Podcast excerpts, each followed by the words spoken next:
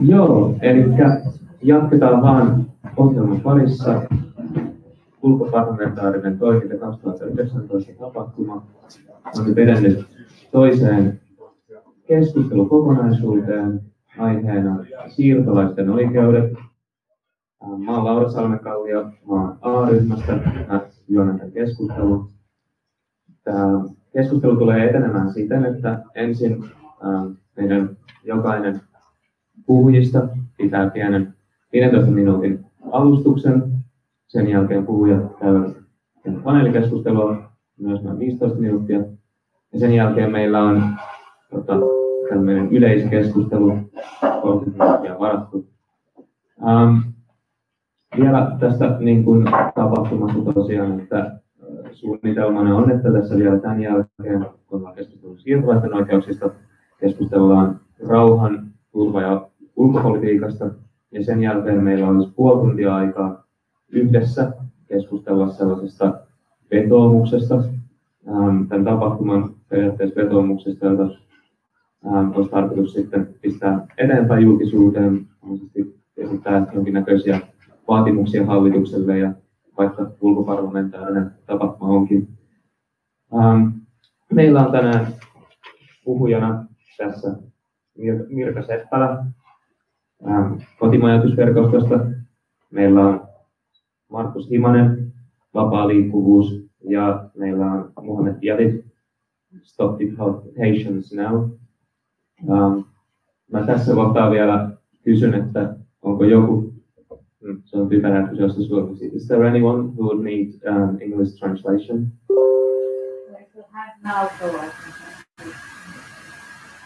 Well, um, if not, keep on finish. What language are you going to use?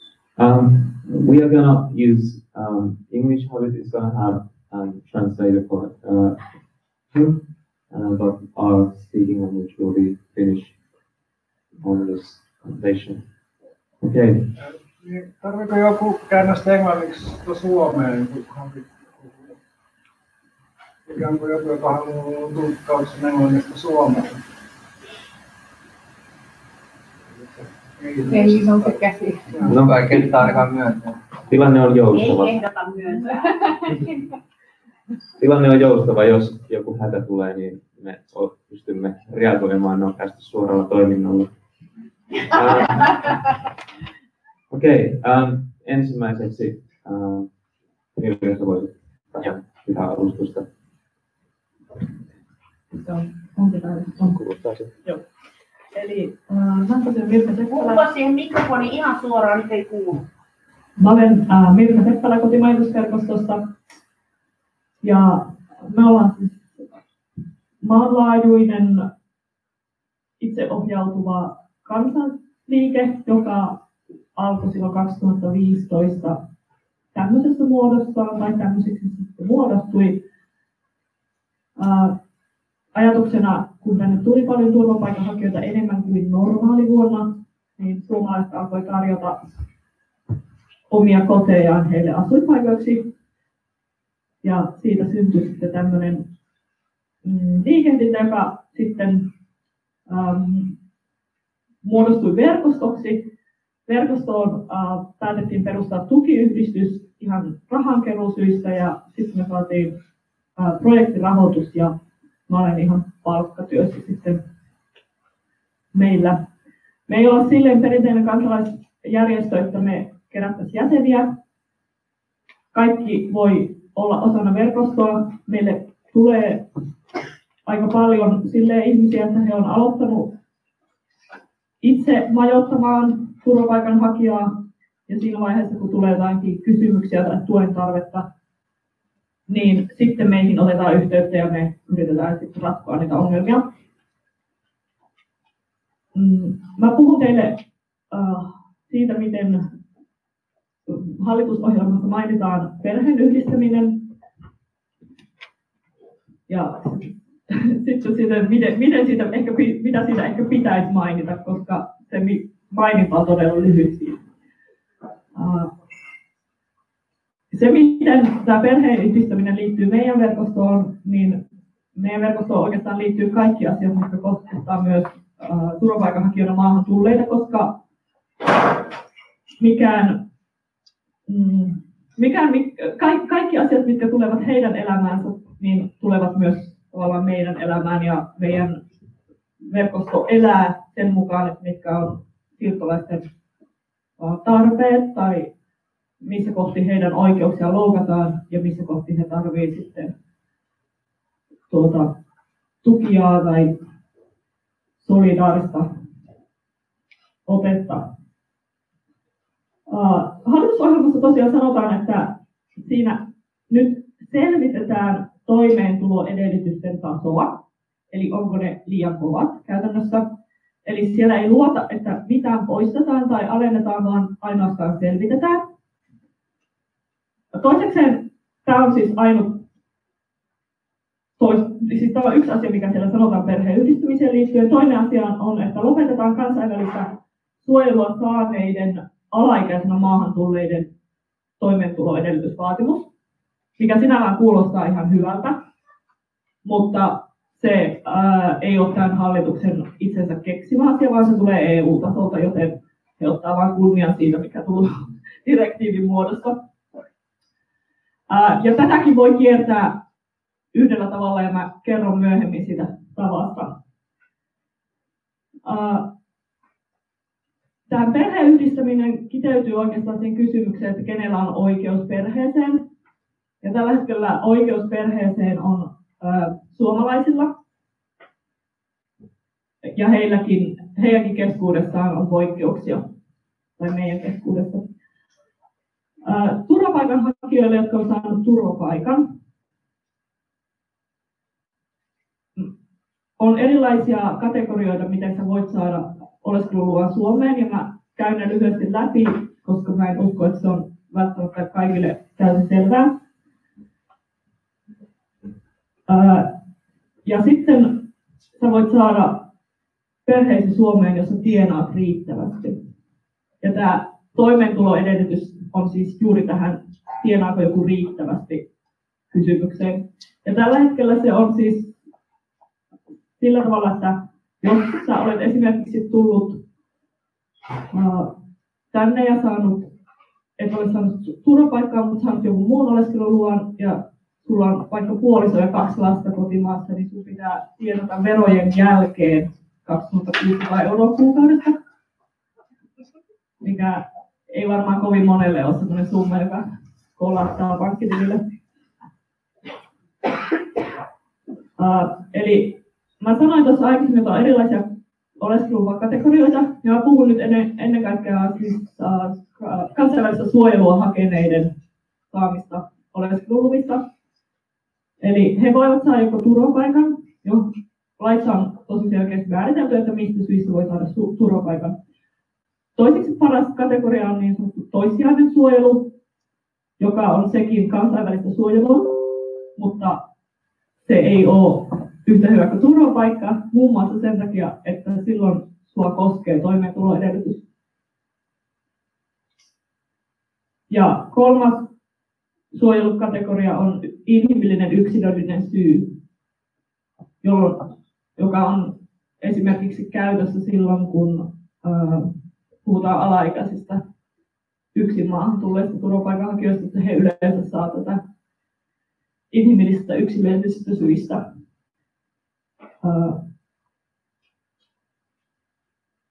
eli silloin, jos sä saat toissijaista suojelua, niin sä et ole välttämättä itse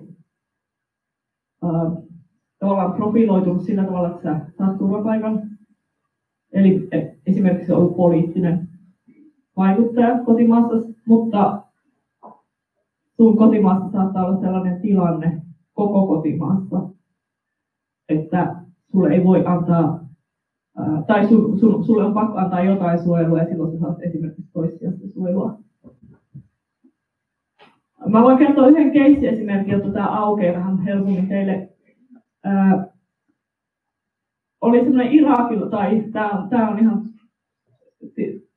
nämä kaikki esimerkit on semmoisista ihmisistä, jotka on meidän verkostossa, verkostossa tulleet pyytämään apua omaan tilanteeseensa tai selvittämään sitä, koska usein sosiaalityöntekijöille, joille nämä kuuluu, ei ole minkäänlaista riittävää tietämystä siitä, että miten he, ihmisiä voi auttaa näissä asioissa. Ja ää, samoin, jos ää, hakeutuu julkisen oikeusavun piiriin, niin myöskään siellä ei välttämättä ole, ole riittävää osaamista tähän asiaan. Eli ää, Irakista tuli mies, ha, haki Suomesta turvapaikkaa, sai toissijasta suojelua. Eli hänen suojeluperusteensa ei ollut sellainen, joka on niin kuin turvapaikan edellytyksenä, mutta hänet kuitenkin katsottiin, että hän on niin profiloitunut tiety, tietyssä niin kuin aseellisten ryhmien keskuudessa, että hän ei voi, hän ei voi sinne palata, tai että hän on hengenvaarassa, jos hän sinne palaa. Sitten hän haki perheen yhdistymistä, ja hän haki siihen poikkeusta toimeentuloedellytykseen sillä perusteella, että hänellä oli pienet lapset ja vaimo siellä, mistä hän tuli.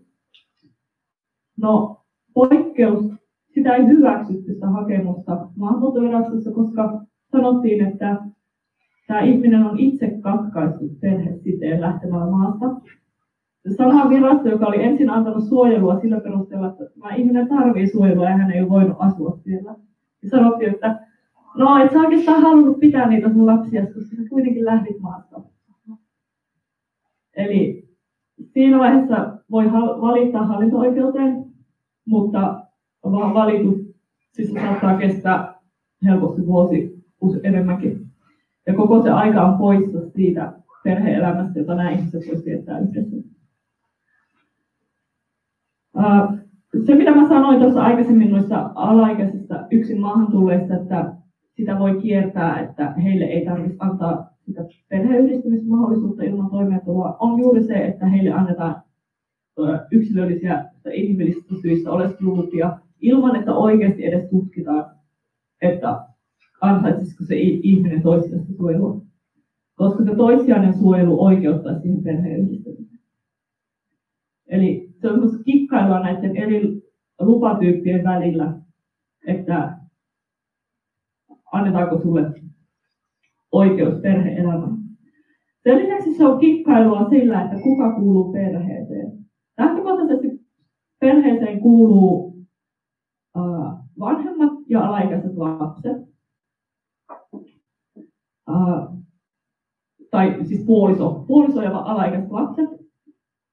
Tämä on myös sellainen ihminen, tämä hänen perheenyhdistymisensä on edelleen kesken, koska miksi katsoi, että avioliitto ei ole todellinen, koska he olivat menneet naimisiin niin vähän aikaa ennen kuin tämä ihminen joutui pakenemaan maasta. Eli hän sai turvapaikan ja sen perusteella hänen olisi pitänyt saada ilman tulorajoja se vaimonsa tänne, mutta katsottiin, että mm, te vähän varmaan te suunnittelitte koko homman, koska te menitte niin vähän aikaa ennen sitä, kun te pakenit maasta naimisiin.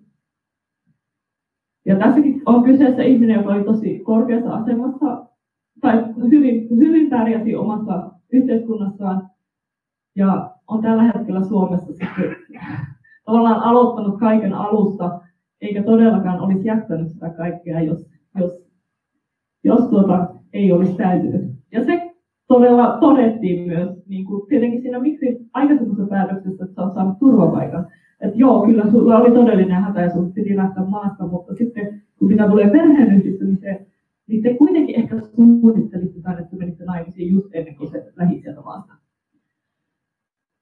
Se on edelleen oikeudessa se, se keissi ja odotetaan sieltä vastausta. Tällä välin tämä ihminen on uh, mennyt töihin, jossa hän tienaa riittävästi, jotta tässä voitaisiin sitten ajatella tätä liittoa niin sanottuna uutena liittona, jolloin ei tarvitse todistaa sitä aitoutta niin todellisena. Tai että tavallaan saisi niinku, mutta se ei enää kelpaa. Ne katsoo, että tämäkin on kikkailu, että hän on mennyt töihin ja on riittävä, että hän todella tienaa sen, riittävän rahamäärän. Sitten on tämä, että meidän perhekäsitys on tosiaan tosi kapea, että mä oon auttanut tässä semmoista ihmistä saamaan, tai yritin auttaa, niin saamaan perheiden perusteella lupaa, joka on ää, huolehtinut isoäidistään Suomessa. Isoäidillä on oleskelulupa Suomeen. Hän on, hän on vanha ja sairas ja tämä pojan poika 19V on, on toiminut isoäitinsä omaishoitajana. Mutta miksi totesin, että tämä perheside ei ole riittävän kiinteä? Mä alkaa miettimään, kuinka moni 19-vuotias poika huolehtii isoäidistään päivittäin, niin se, että, se on tuota, että mikä on sitten se kiinteä perheside, jolla voitaisiin poiketa tästä normaalista määritelmästä, että vain puoliso ja lapset voi kuulla perheeseen. Jos ei semmoinen, jossa tämä 19-vuotias pojanpoika auttaa muistisairautta ja syöpää sairastavaa isoäitiä, niin en tiedä, mikä se on sitten se kiinteä perheside. Mm. Eli tämä koko systeemin tarkoitus ei suinkaan ole auttaa ihmisiä yhdistymään perhettään Suomeen, vaan tehdä siitä mahdollisimman haastavaa. Sen lisäksi, että on tällaisia niin kuin tavallaan kategorisia esteitä, siinä on myös paljon teknisiä esteitä, kuten se, että sen perheenjäsenen, joka haluttaisiin Suomeen, sen pitää olla laillisesti siinä maassa, jossa hän käy tunnistautumassa sitä perhettä hakemusta varten. Eli tämä on aika monien kohdalla sen takia vaikea, koska se on, koko perhe on painanut sieltä kotimaasta ja he ovat paperittomana jossakin toisessa maassa, joten he eivät ole siellä laillisesti.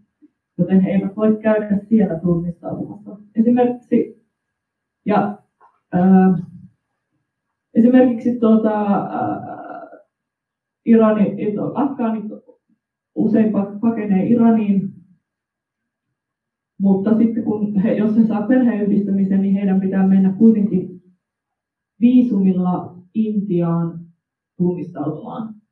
Jolloin se tarvii sen Afganistanin passin, siihen anoa viisumin ja sitten sillä käydä siellä New. Ja se, siinä on semmoinen kolmen kuukauden aikaikkuna, Eli siinä vaiheessa, kun laitetaan perheenyhdistyminen täällä Suomessa vireille, eli se perhe, niin sanottu perheen kokoaja, eli se ihminen, joka on saanut täällä sen suojelupäätöksen esimerkiksi, niin tekee sen hakemuksen, niin siitä, siitä on vain kolme kuukautta aikaa, jolloin sen perheen pitäisi käydä tunnistautumassa. Ja se on usein liian lyhyt aika, koska vaikka Suomi on ulkoistanut aika monia noita palveluita, ja siellä saattaa olla kuuden kuukauden jonoin tunnistautumaan pääsee. Ja sitten se tietenkin maksaa.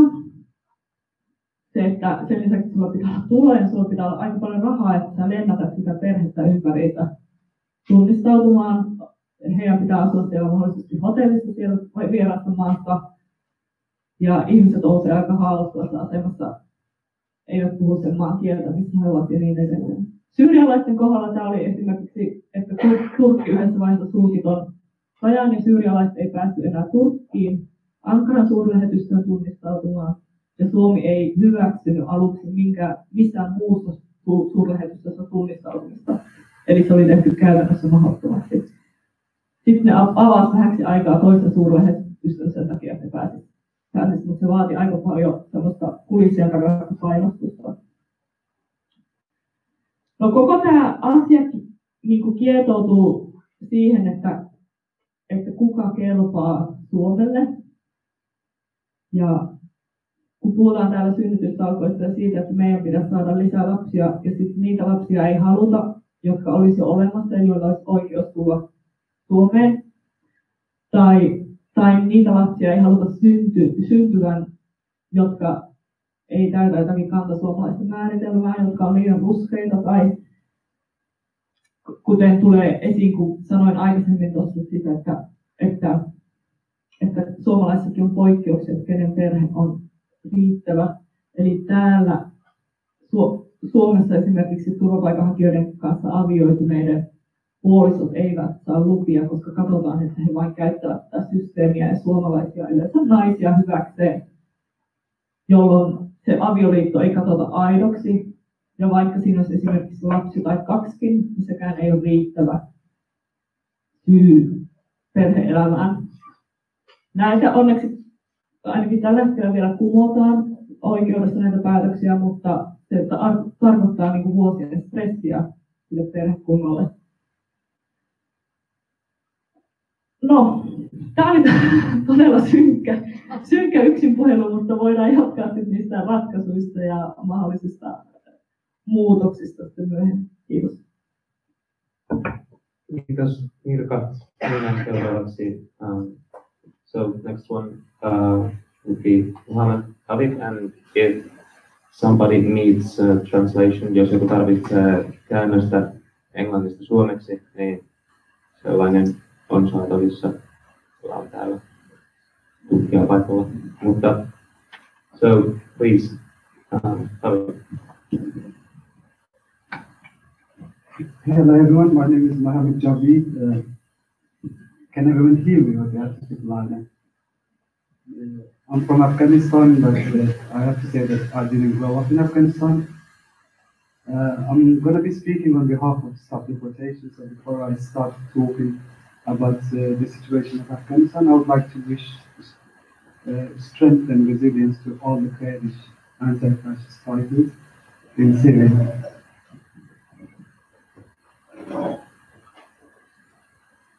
Regarding the situation of Afghanistan right now, as we speak, uh, we we had an election about two weeks ago, and uh, we have the lowest turnout in terms of uh, voters because of the security situation. Uh, the, the Taliban has um, been waging war for the last 18 years, but since the beginning of last year, they've, they've gained more and more territory. And uh, they control more and more territory than ever that in the last in the last 18 years of the U.S. presence. Uh, because uh, they control more territory, uh, the, the war has gone larger well, so the civilian casualties have been going on. And uh, the U.S. bombings, they, they, they're, they're causing more and more uh, civilian casualties at the same time. I'm really sorry, I've got a bad migraine and really, yeah. Can, can you go to now? Hei. Tota, mä uh, pidän mun puheenvuoron, missä kadettu Muhammed jaksoi jatkaa. Ja mä oon Markus Himanen, vapaa liikkuvuudesta. Uh, tosi hienoa, että tämä tapahtuma on järjestetty ja mukava olla täällä. Me ollaan toimittu siirtolaisten oikeuksia ja siirtolaisten kamppailujen puolesta vuodesta 2006. Um, me toimitaan pääasiassa niin Helsingissä ja Tampereella ja pääosin niin vapaaehtoisvoimin. Ollaan niin aktivistien verkosto, ihmisillä on sitten erilaista taustaa, jollakin on henkilökohtaisia kokemuksia tästä maahanmuuttajajärjestelmästä ja jollakin sitten vähemmän toimii enemmän pelkän solidaarisuuden pohjalta. Mun piti puhua nyt paperittomista. Ja mä sanon jotain erityisesti kielteisen päätöksen saaneiden turvapaikanhakijoiden tilanteesta. Eli niiden ihmisten tilanteesta, joiden tota, hakemukset uh, Suomi on hylännyt. Mä haluaisin sanoa pari yleisempää asiaa tähän alkuun, jotka on niin meille vapaa tärkeitä ensin tässä tota, tilaisuudessa puuttuu ympäristöasioista ja puhutaan nyt sodasta ja rauhasta. Ja nämä molemmat asiat liittyy paljon niin rajoihin, joista me puhutaan nyt tässä paljon. Eli nämä rajat toimii erottelemalla ihmisiä ja tuottamalla ja pitämällä yllä eriarvoisuutta maailmassa. Ja näiden tota, oleskelulupien ja tarkoitusten ja lupaprosessien, mistä me puhutaan, niin näiden kautta hallitaan sitä, sitä maailmaa, jossa niin kuin kansalaisuus määrittää hirveän paljon sitä, millaiseen turvallisuuteen, mahdollisuuksiin, miten sä käytät vaikka ympäristön pilaantumisessa ja niin poispäin.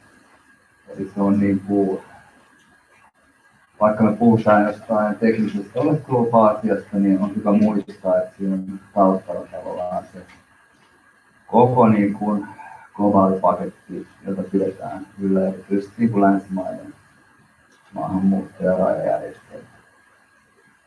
Ja sitten toinen asia on sitten, mikä meidän mielestä on niin kuin oikea ratkaisu tai lähestymistapa tähän, niin on sitten solidaarisuus niiden ihmisten kanssa, jotka erityisesti tässä tilanteessa kärsivät. Eli ne, joilla ei ole, ei ole länkkäripassia, vaan jotka on eri tavoin sitten tämän raja- ja lupajärjestelmän uhreja tai joutuu sen kanssa taistelemaan ja kamppailemaan. Monesti niin kuin vuosien ajan, niin kuin Mikka kertoo. Ja nämä ulottuu niin hyvin henkilökohtaiselle alueelle, niin on kyse siis omasta elämästä, sun perheen elämästä ja me ollaan lähdetty siitä, meidän toiminnasta on se sitten niin kuin tämmöistä yksilöistä neuvontaa tai ihmisille, tai sitten niin kuin vaikka poliittisen prosessin järjestämistä ihmisten kanssa. Me lähdetään sitten niiden ihmisten lähtökohdista, jotka on tässä tilanteessa, joilla ei ole näitä lupia, ja jotka joutuu niin viranomaisilta anomaan. Ja tota, mutta sitten mennään itse asiaan. Mä sanon paperittomuudesta nyt ensin sen, että se on niin kuin käsitteenä nyt Suomessa yleistynyt, mutta sitten kaikki ei välttämättä tiedä, mitä se tarkoittaa, koska sillä ei ole mitään yksiselitteistä niin kuin virallista määritelmää. Se ei tarkoita sitä, että ihmisellä ei olisi minkäänlaisia henkilöllisyyspapereita välttämättä. Ihminen voi olla niin kuin paperiton, vaikka sillä on passi. Paperittomuus niin kuin mielessä tarkoittaa vain sellaista ihmistä, joka oleskelee jonkin maan alueella ilman siihen oikeutta. Eli tämä henkilö voi olla vaikka tullut tota, Filippiineiltä viisumin kanssa. Sitten hän on tota, viisumi on ollut 30 päivää voimassa, mutta sitten hän on edelleen täällä ja mennyt vaikka töihin johonkin tai asuu kaveriluvalla tai mitä tahansa. Viisumi on mennyt vanhaksi. Sitten hän on niin, tässä mielessä paperi. Sitten voidaan ajatella, että toisessa mielessä paperit on, että ne on paljon erilaisia ulkomaalaisia, joilla voi olla oikeus olla täällä, tai heitä ei ainakaan olla välttämättä kääntymässä pois, mutta heillä ei ole oikeuksia mihinkään palveluihin. Eli he ei ole tavallaan niin sen järjestelmän piirissä. Ihminen voi olla vaikka EU-kansalainen, voi olla romania romani, joka tota, kaupustelee tuolla kadulla, mutta hän ei pääse terveydenhuollon piiriin, tai hänellä on vaikeuksia lapsiaan kouluun ja niin edespäin. Tai voi olla niin kuin esimerkiksi näitä isovanhempia, että ne, jotka puhuu, joilla ei ole lupaa, niin saattaa aloittaa monekin vuosia perheensä luona, mutta ilman, että vaan niin meidän systeemin piirissä, eli heillä on oikeutta niin terveydenhuoltoon. Eli tämä on siinä mielessä niin kuin monitahoinen ilmiö, ja sitten se on, tämä kuuluu tähän nykyiseen maahanmuuttosysteemiin ehdottomasti, että tämä järjestelmä tuottaa ihmisiä, joilla ei ole oikeutta, ja sitten ne vaihtelee sitten ihmisten oikeudet sen mukaan, miten valtiosotisysteemi kyllä. Mutta sitten, jos puhutaan iso ryhmä niin kuin paperittomia tai ihmisiä, jotka on niin paperittomien kaupungitilanteessa, on turvapaikanhakijat, jotka on tullut hakea kansainvälistä suojelua Suomesta esimerkiksi, koska ne on paineet sotaa tai konfliktia Afganistanista tai Irakista, mutta heille ei ole myönnetty uh, turvapaikkaa. Ja nyt Suomessa on vielä sellainen nyt niin poikkeuksellinen tilanne, että ihmisiä on aika paljon verrattuna minkä aikaisempaan aikaan. Et vuonna 2015 tuli huomattavasti enemmän turvapaikanhakijoita kerrallaan, noin niin 30 000. Ja sitten heistä vaan noin kolmannes on saanut turvapaikan. Ja sitten noin kolmannes on poistunut maasta. Ja sitten noin kolmannes on joko edelleen jossain prosessissa, on paperittomana tai tota, ei ole varmoja, varmoja missä he on. Ja tämä on niin iso, iso määrä, määrä tota, ihmisiä, jotka on tällaisessa tilapäisessä tilanteessa. Ja monet on ollut siis nyt samassa tilanteessa noin tota, nelisen vuotta. Ja mulla aina vielä mieleen, me tuli tota, VLn vapaa liikkuvuuden neuvontajakaveri, se oli jostain Itä-Suomessa pienessä tota, vasta äh, pienen itä-suomalaisen kaupungin Vokissa, joka oli kaupungista joku 20 kilsan päässä, niin meni joku bussi kerran tunnissa. Se oli itse odottanut omaa ekaa turvapaikkapäätöstä yli vuoden. Mä kysyin siltä, että mikä meininki siellä on siellä Vokissa, että että kaikki muut on saanut pois, sitten on kaikki negoja ja oli kielteisiä päätöksiä ja kaikki tota, makaa sängyssä ja syö noita masennuslääkkeitä. Et se järjestelmä, joka nyt tarkoittaisi, että meillä on useampi tuhat ihminen ää, monen vuoden tästä tota, epävarmuudesta, niin se on niin kuin aikamoista tota, henkistä väkivaltaa. Ja tota, sitten osa ihmistä on siis edelleen niin turvapaikkapuolessa, niin ihmiset saattanut hakea, saada niin kuin, kielteisen päätöksen valittaa siitä vaihdosta hylätty. Sitten tota, ne um, on hakea uudestaan turvapaikkaa ja se on saattanut prosessi mennä niin toisenkin kerran läpi, niin tota, ottaa sen jälleen uudestaan. Sitten osalla taas prosessi on voinut päättyä ja sitten valtiolla on nykyään niin kuin oikeus poistaa ihmiset vastaanottokeskuksista jossakin vaiheessa sitä prosessia tai sen jälkeen, kun se turvapaikka-asia on loppunut, jolloin ihmiset joutuu tavallaan kadulle ja joutuu sitten tavallaan sen kunnan palveluiden varaan, jos niitä on. Eli se silloin menettää tavallaan sen asuinpaikan ja oikeuden terveydenhuoltoon ja muun, mitä siellä vastaanottokeskuksessa sitten on. Tota, onko se kohta menee loppuu? Aika. Tota, ja nyt sitten tähän niin tilanteeseen olisi ihan järkeviä ratkaisuja. Ja me tota, niitä niin kuin muualla maailmassa tällaisissa tilanteissa on tehty. Se on pyritty sitten esimerkiksi Etelä-Euroopassa ja aikaisemmin Yhdysvalloissa sehän on niin kuin laillista.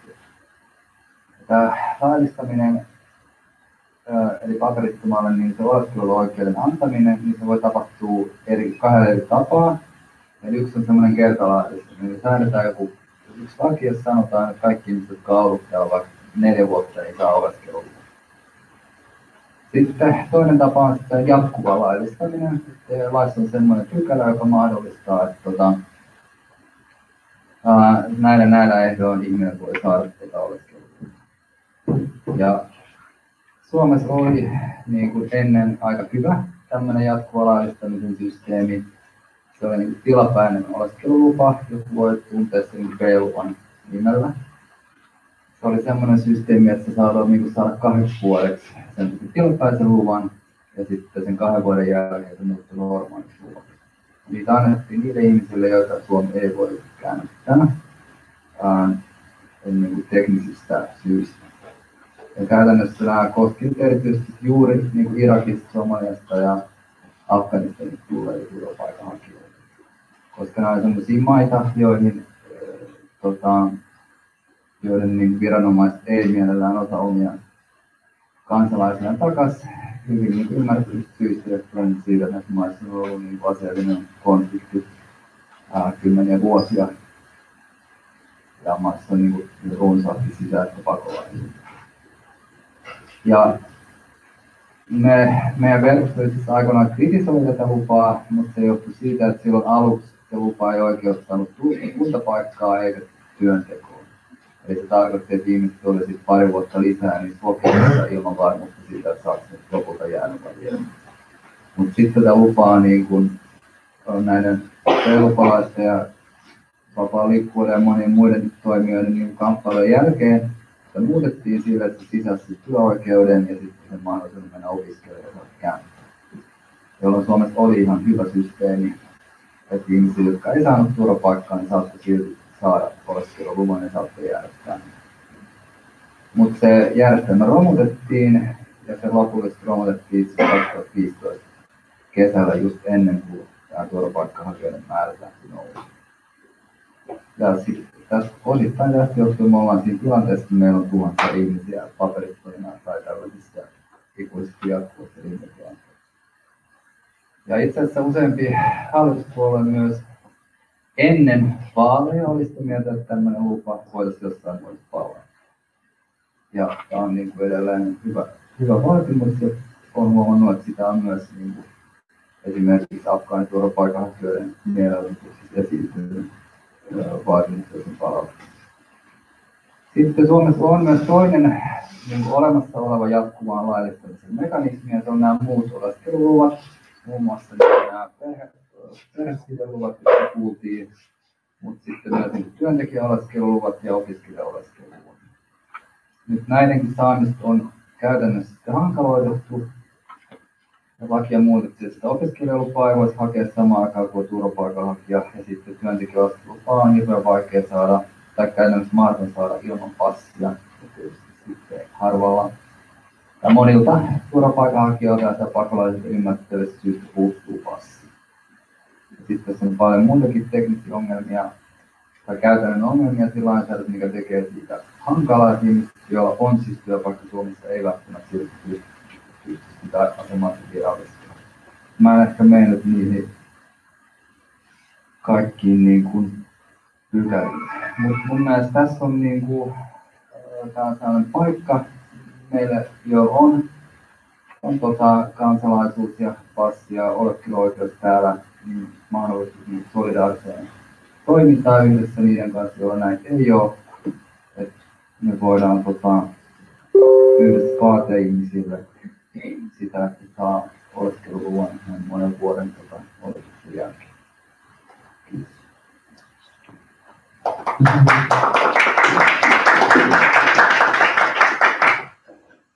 Um, I'm sorry about earlier. I'll try to give it another go. Yeah, regarding the situation of Afghanistan, uh, uh, right now, uh, Taliban is at the front of war. At the same time, they're trying to negotiate for a reconciliation or peace process with the US. Uh, they're still having a list of meetings in Qatar. They've had uh, six of the top commanders released from the Guantanamo Bay in the Bagram province, prison in Kabul. And the fear is that they, they are going to reach in a, in a reconciliation process that will cause them to be in the government. And we, for the last 18 years, the gains that the people of Afghanistan have been having, for instance, freedom of speech, the constitution, which is very secular, unlike the Taliban, that they want to have a very uh, strict and radical uh, constitution. Uh, they would like to change the constitution. That's one of their demands right now, and that's the fear amongst the Afghan public as well. That if they get in, in power, if the constitution gets changed, we're going to go back uh, post 2001 when they, they were running the country. So the fear, they, right now as we speak, they're in Pakistan. Um, the second uh, biggest man in power, he was released from that prison and he's uh, negotiating with the uh, US uh, peace envoy to Afghanistan. At the same time, they're fighting in the war and they're negotiating. And um, the election, which took place about two months ago, we don't know the results, and we're not sure if that election is be legitimate enough for the Taliban. They're not accepting the election, and the results, uh, they're not accepting the results as well. So the situation uh, is it's not getting any better. It's, it's got it's got really worse, and it's going to get worse and worse again. And uh, the Afghan refugees that are in Europe right now, the majority of the Afghan refugees are they, they're in Greece. Uh, the estimates are like there are about seven to eight thousand Afghan refugees based in Greece, and uh, uh, when you come forward from Greece, then there are like in Macedonia, Serbia, and Hungary, there are people, and uh, they they're not being given the right to apply for asylum, or they don't have any other rights to apply for work-based residence permit or any sort of permit. So they're in a state of limbo and they're sleeping rough on the streets.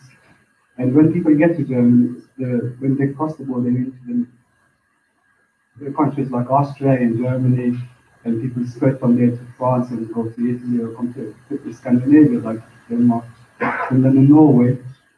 Um, all, post 2015, all of these European countries, they, as Marcus probably spoke about it, they got rid of this uh, subsidiary protection or humanitarian protection.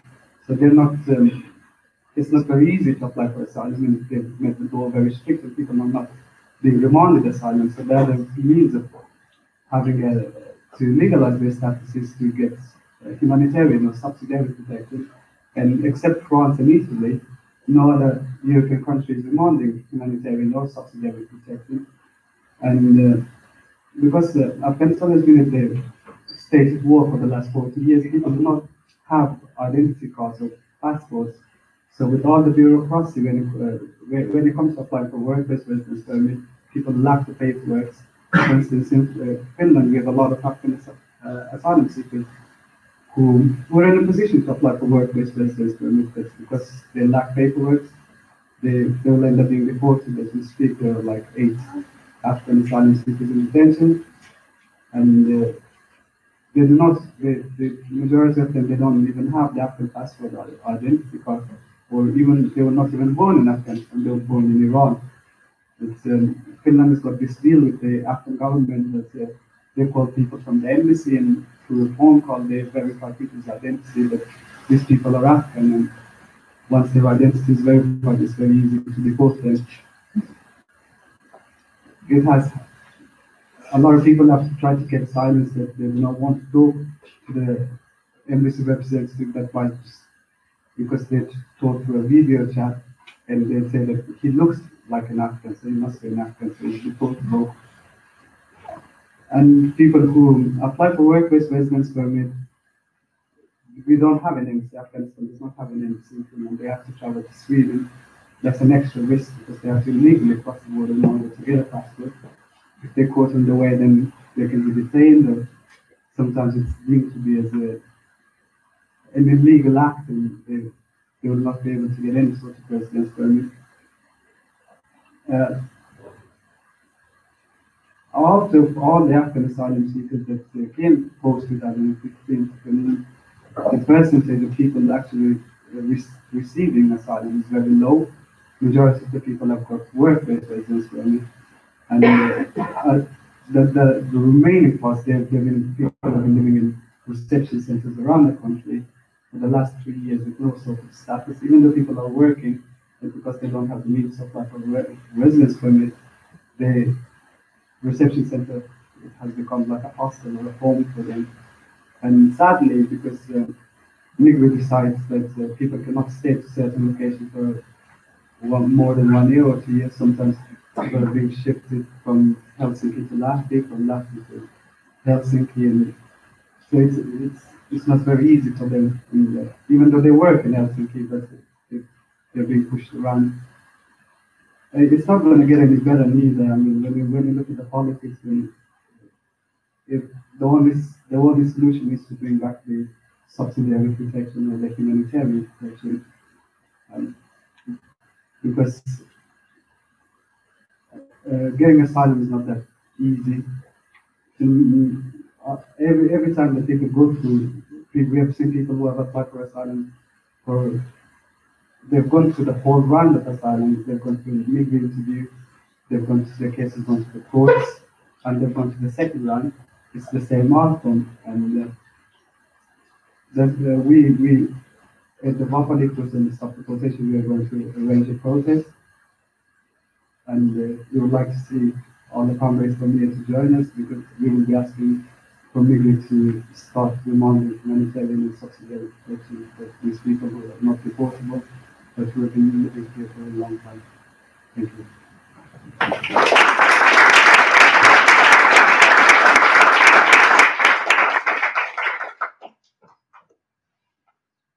Joo, kiitos kaikille alustuksen pitämisestä. Ähm, seuraavaksi voitaisiin mennä tähän tuota, ähm, paneelikeskusteluun. Tuota, ähm, varmaan niin kuin päällimmäisenä näistä tämä aihe ja nämä niin kuin jutut on sellaisia, että nämä tuottaa tosi vahvoja reaktioita ihmisissä, koska tämä vetoo niin vahvasti sellaiseen tietynlaiseen empatiaan ja niin kuin oikeudentajuun, mutta koska se asia tuntuu tietyssä mielessä monimutkaiselta, erityisesti näin niin kuin, tota, hallintotasolla, niin millaisia ajatuksia teillä tulee, että mitä ää, tavallaan yksittäiset ihmiset, mitä ylipäätänsä näille asioille voisi tehdä, miten näitä asioita voisi auttaa. Ja erityisesti luonnollisesti, äh, jos tulee mieleen millä tavalla juuri ulkoparlamentaarisesti lähestyä niin kuin tämän tilanteen helpottamista ja näiden ihmisten elämien helpottamista, niin tota, jos tässä nousee jotain ajatuksia, niin aloitteessa. Joo, meidän äh, kotimainen verkosto syntyy Refugees Welcome Finland äh, pohjalle.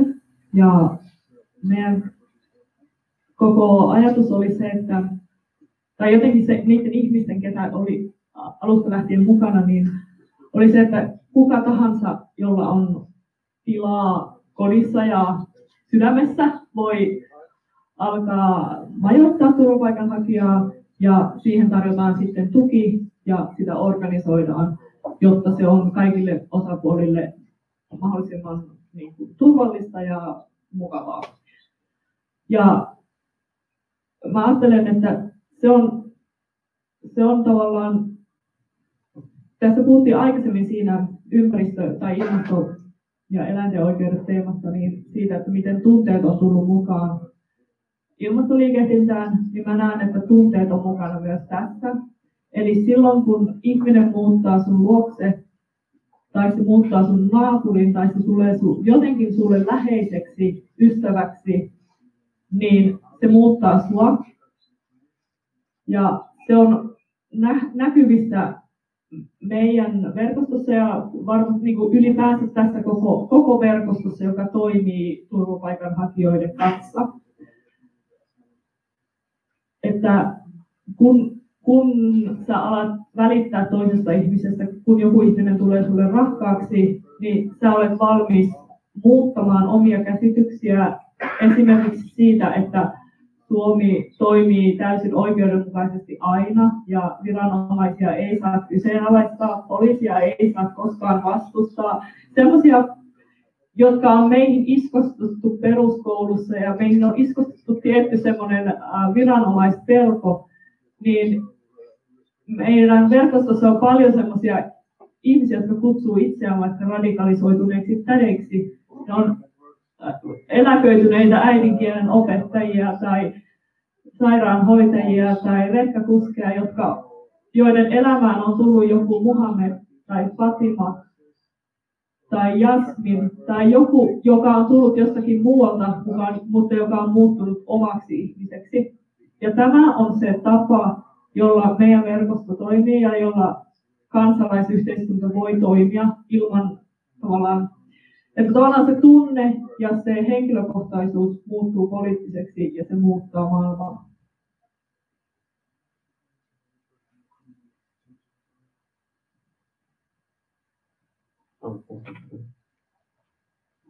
Joo, tota,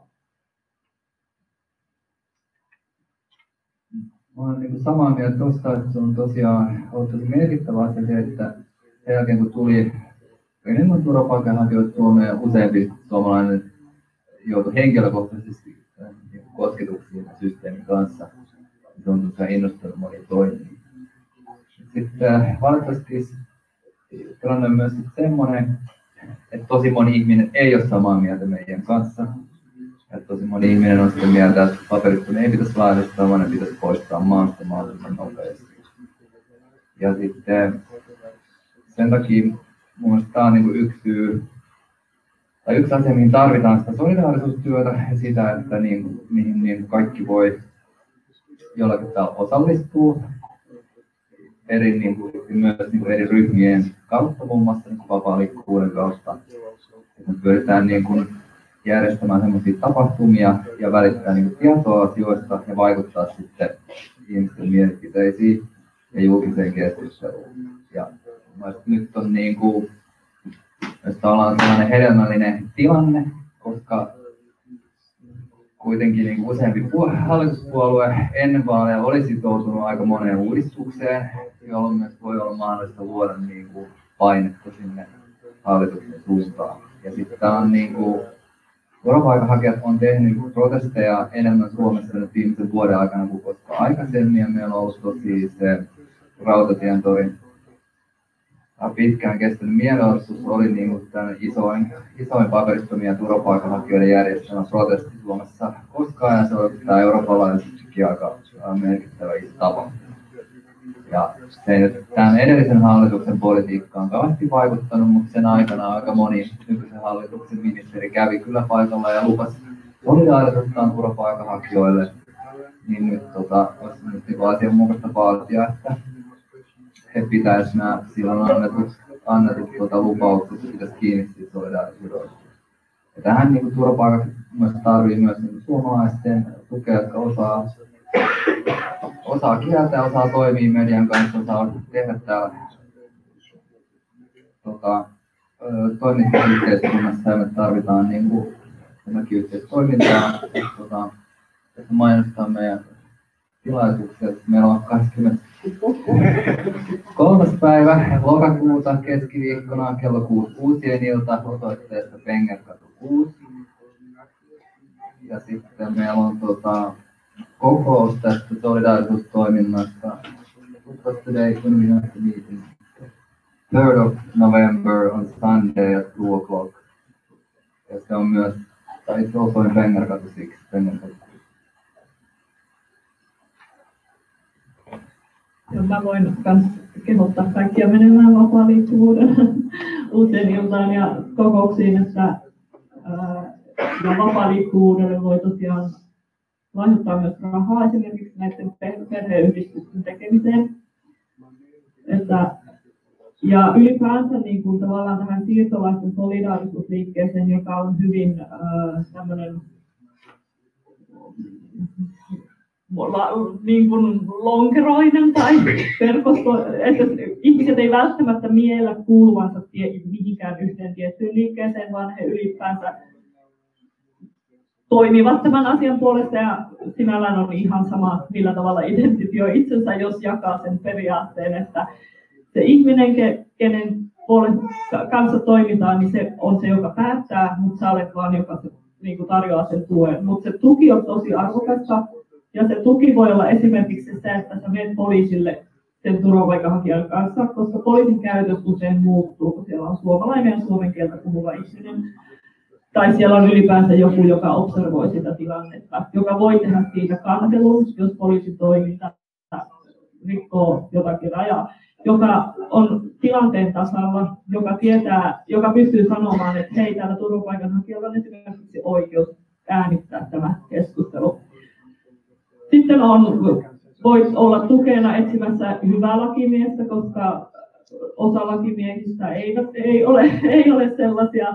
Se voit olla mukana lukemassa niitä papereita, jotta se turvapaikanhakija itse ymmärtää, mitä hänen päätöksensä sanotaan. Siellä on usein ihan todella rahmeja virheitä.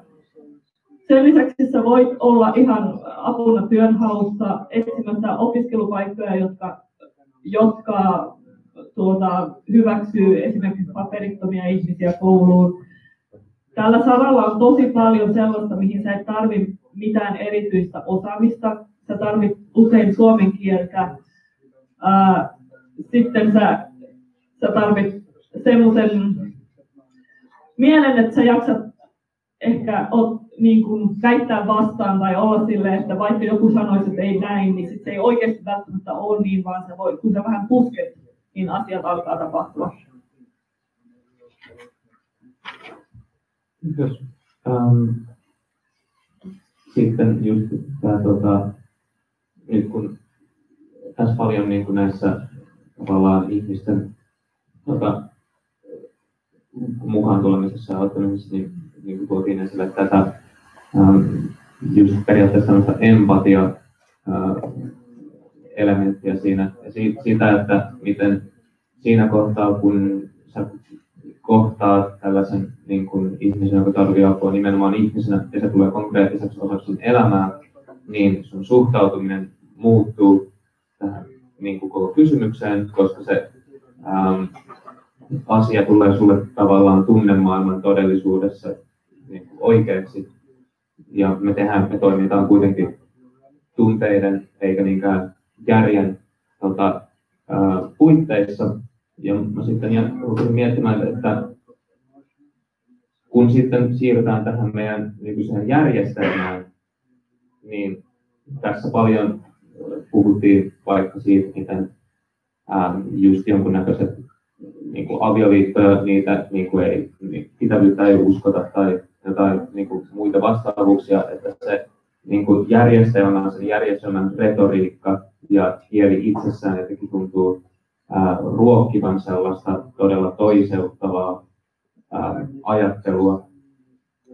Niin, ää, se on toki tietyssä mielessä iso kysymys, mutta herättääkö niin kuin, mitään ajatuksia sellainen, että miten tätä sitten taas suurempaa järjestelmää, miten siihen voisi jotenkin sitä muuttaa, miten sitä voisi mukauttaa, miten siihen voisi tuoda tällaista niin kuin inhimillistävämpää ja sitä kautta herättävämpää elementtiä sillä tavoin, että niin kuin ne erinäiset päätökset ei jäisi vaan semmoiseksi tietynlaiseksi byrokratiaksi papereiden pyörittämiseksi, vaan jotenkin ymmärrettäisiin, että nämä on todellisia ihmisiä, todellisina elimineen ja näillä päätöksillä on todellisia vaikutuksia.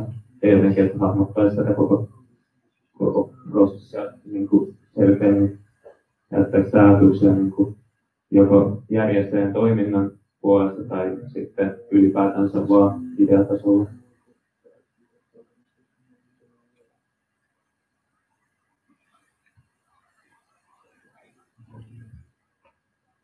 Tarkoitit sä mä tota, niin viranomaisissa siinä niin järjestelmässä vai niin kuin kansalaisissa tai yleisistä vai? No ehkä, ehkä tarkemmin tietysti meillä on sellaista niin kuin byrokraattista niin kuin järjestelmä järjestelmää, joka toki silleen, niin kuin pyörittää ihmiset, mutta, mutta niin kuin se kokonaisuudessaan vaikuttaa olevan niin, niin kuin, että se järjestelmä itsessään ruokkii sitten niitä ihmisiä, jotka pyörittävät sitä ajattelemaan sitä sellaisena nimenomaan koneistona, eikä jonkinnäköisenä semmoisena orgaanisena Joo, mä, tota, mä oon samaa mieltä, mieltä tuosta. Mä muistan myös keskustelen opiskelukaverin kanssa, joka jossain Migrissä hyvin tällainen tota, oma ihminen muuten, mutta sen, kun se on ollut Migrissä työharjoittelussa, niin se ensimmäinen kun kyllä ihmisillä on kaikenlaisia tarinoita, ne kertoo, kun ne tulee tänne. Koneista tekee tehtävänsä, mutta siinä on yksi näkökulma tähän on se, että niin kuin, Migrillä on hirveän paljon valtaa Eli voisi ajatella, että valta olisi niin kuin eduskunnassa niin kuin lain tasolla, niin se osin tietysti on, sitten osin on paljon siellä viranomaisten kohdalla, niin sitten paljon kysymys myös siitä, että käyttääkö sitä valtaa oikein, miten sitä valvotaan, miten sitten kun tekee vääriä päätöksiä tai väärinkäyt, jopa väärinkäytöksiä, miten niihin voidaan puuttua. Tässä on, on kuitenkin niin kuin, tavallaan lattiatason viranomaisten vetämä ja koko systeemi, että niin kuin yksittäisellä poliisilla yksittäisellä päätöksentekijöiden tekemillä niin ratkaisuilla on paljon vaikutusta. Ja me varmaan monet on seurannut tätä keskustelua ja huomannut, että esimerkiksi maahanmuuttovirasto on myöntänyt itse, että teki tosi paljon virheitä niissä turvapaikkapäätöksissä. Ja silloin myös kun kyse siitä tavallaan, että millaista koulutetaanko niin viranomaisia tarpeeksi, valvotaanko niiden työn kunnolla, sitten tavallaan minkä tyyppisiä tavoitteita ministeriö antaa, ja se tavoite, mikä se annetaan, että sen pitää, että missään nimessä saa antaa kenellekään lupaa, jolle se ei niin lakien mukaan kuulu, vai onko se periaate se, että missään nimessä ketään ei saa tota, käännyttää, jos on pieni kirjastus siitä, että rikotaan palautus, palautuskieltoa, eli että henkilö voi olla epäinhimillisen kohtelun kohteeksi. Niin kuin semmoisia tehdä sellaisia muutoksia, jotka lisää niin kuin kaikkia hakijoiden oikeusturvaa ja kaventaa tavallaan semmoisen mielivallan määrää siellä järjestelmässä. Joo, ja siis uh, tässä me ollaan nyt puhuttu aika paljon tästä lupajärjestelmästä, mutta sen lisäksi täällä on tosiaan tämä vastaanottojärjestelmä, eli ihmiset asuu vastaanottokeskuksissa lähtökohtaisesti. Ja tämä on sellainen asia, mitä me ollaan haluttu muuttaa, että ihmiset asuisikin vastaanottokeskusten ulkopuolella siellä, missä muutkin, koska se on, se on myös tapa tavallaan toiseuttaa, jos ne sijoitetaan samaan paikkaan keskelle metsää ja sitten katkaistaan kaikki mahdollisuudet luoda tai tehdään hyvin vaikeaksi se, niin kuin, se että sä liityt siihen yhteiskuntaan, jossa sä kuitenkin elät. Ja siellä alkaa siellä vastaanottokeskuksessa pyöriä sitten semmoinen ihmiskoe, mistä on, mistä on, on tehty jo tutkimuksia, että ja alkaa käy, että se, kellä on siellä valtaa, alkaa käyttää sitä väärin, koska se on suljettu systeemi ja sua ei käytännössä valvota siellä. Ja ne ihmiset, kehen sä käytät valtaa, niin ne on, niitä on hyvin vaikea puolustaa omia, oikeuksia. Eli tänään just juttelin ähm, yhden lääkärin kanssa, joka on käynyt aikaisemmin äh, suljetussa niin kuin säilöönottokeskuksessa katsomassa siellä olevaa turvapaikanhakijaa, koska säilöönottokeskuksen äh, terveydenhoitaja toimii sellaista, tai sairaanhoitaja toimii sellaisena portinvartijana, että hän ei päästä tavallaan ihmisiä sinne lääkäriin, joten sinne on tilattu tavallaan ulkopuolelta lääkäri. Ja nyt tämä lääkäri kertoo, että hän on saanut ää, niin kuin sinne säilöönottokeskukseen, että häntä ei enää päästetä sinne, sinne ää, tutkimaan niitä potilaita, koska hän on tavallaan liian humaani. Hän on tilannut sinne itse tuhoiselle ihmiselle ambulanssia, se oli ollut sen säilöönottokeskuksen johtajan mielestä väärin. Eli siinä ylitetään myös sen lääkärin ammattitaito ja otetaan niin kuin, sen johtaja ottaa ilman mitään ammattitaitoa omiin käsinsä sen, että hän alkaa määrittelemään, että milloin joku ihminen tarvitsee hoitoa tai ei. Ja siinä puhutaan semmoista niin kuin dehumanisoinnista, joka, joka on niin kuin jossakin totalitaarisessa järjestelmissä se mistä tunnistetaan se, että ollaan menossa tosi pahasti vikaan. Ja se tapahtuu tällä hetkellä Suomessa.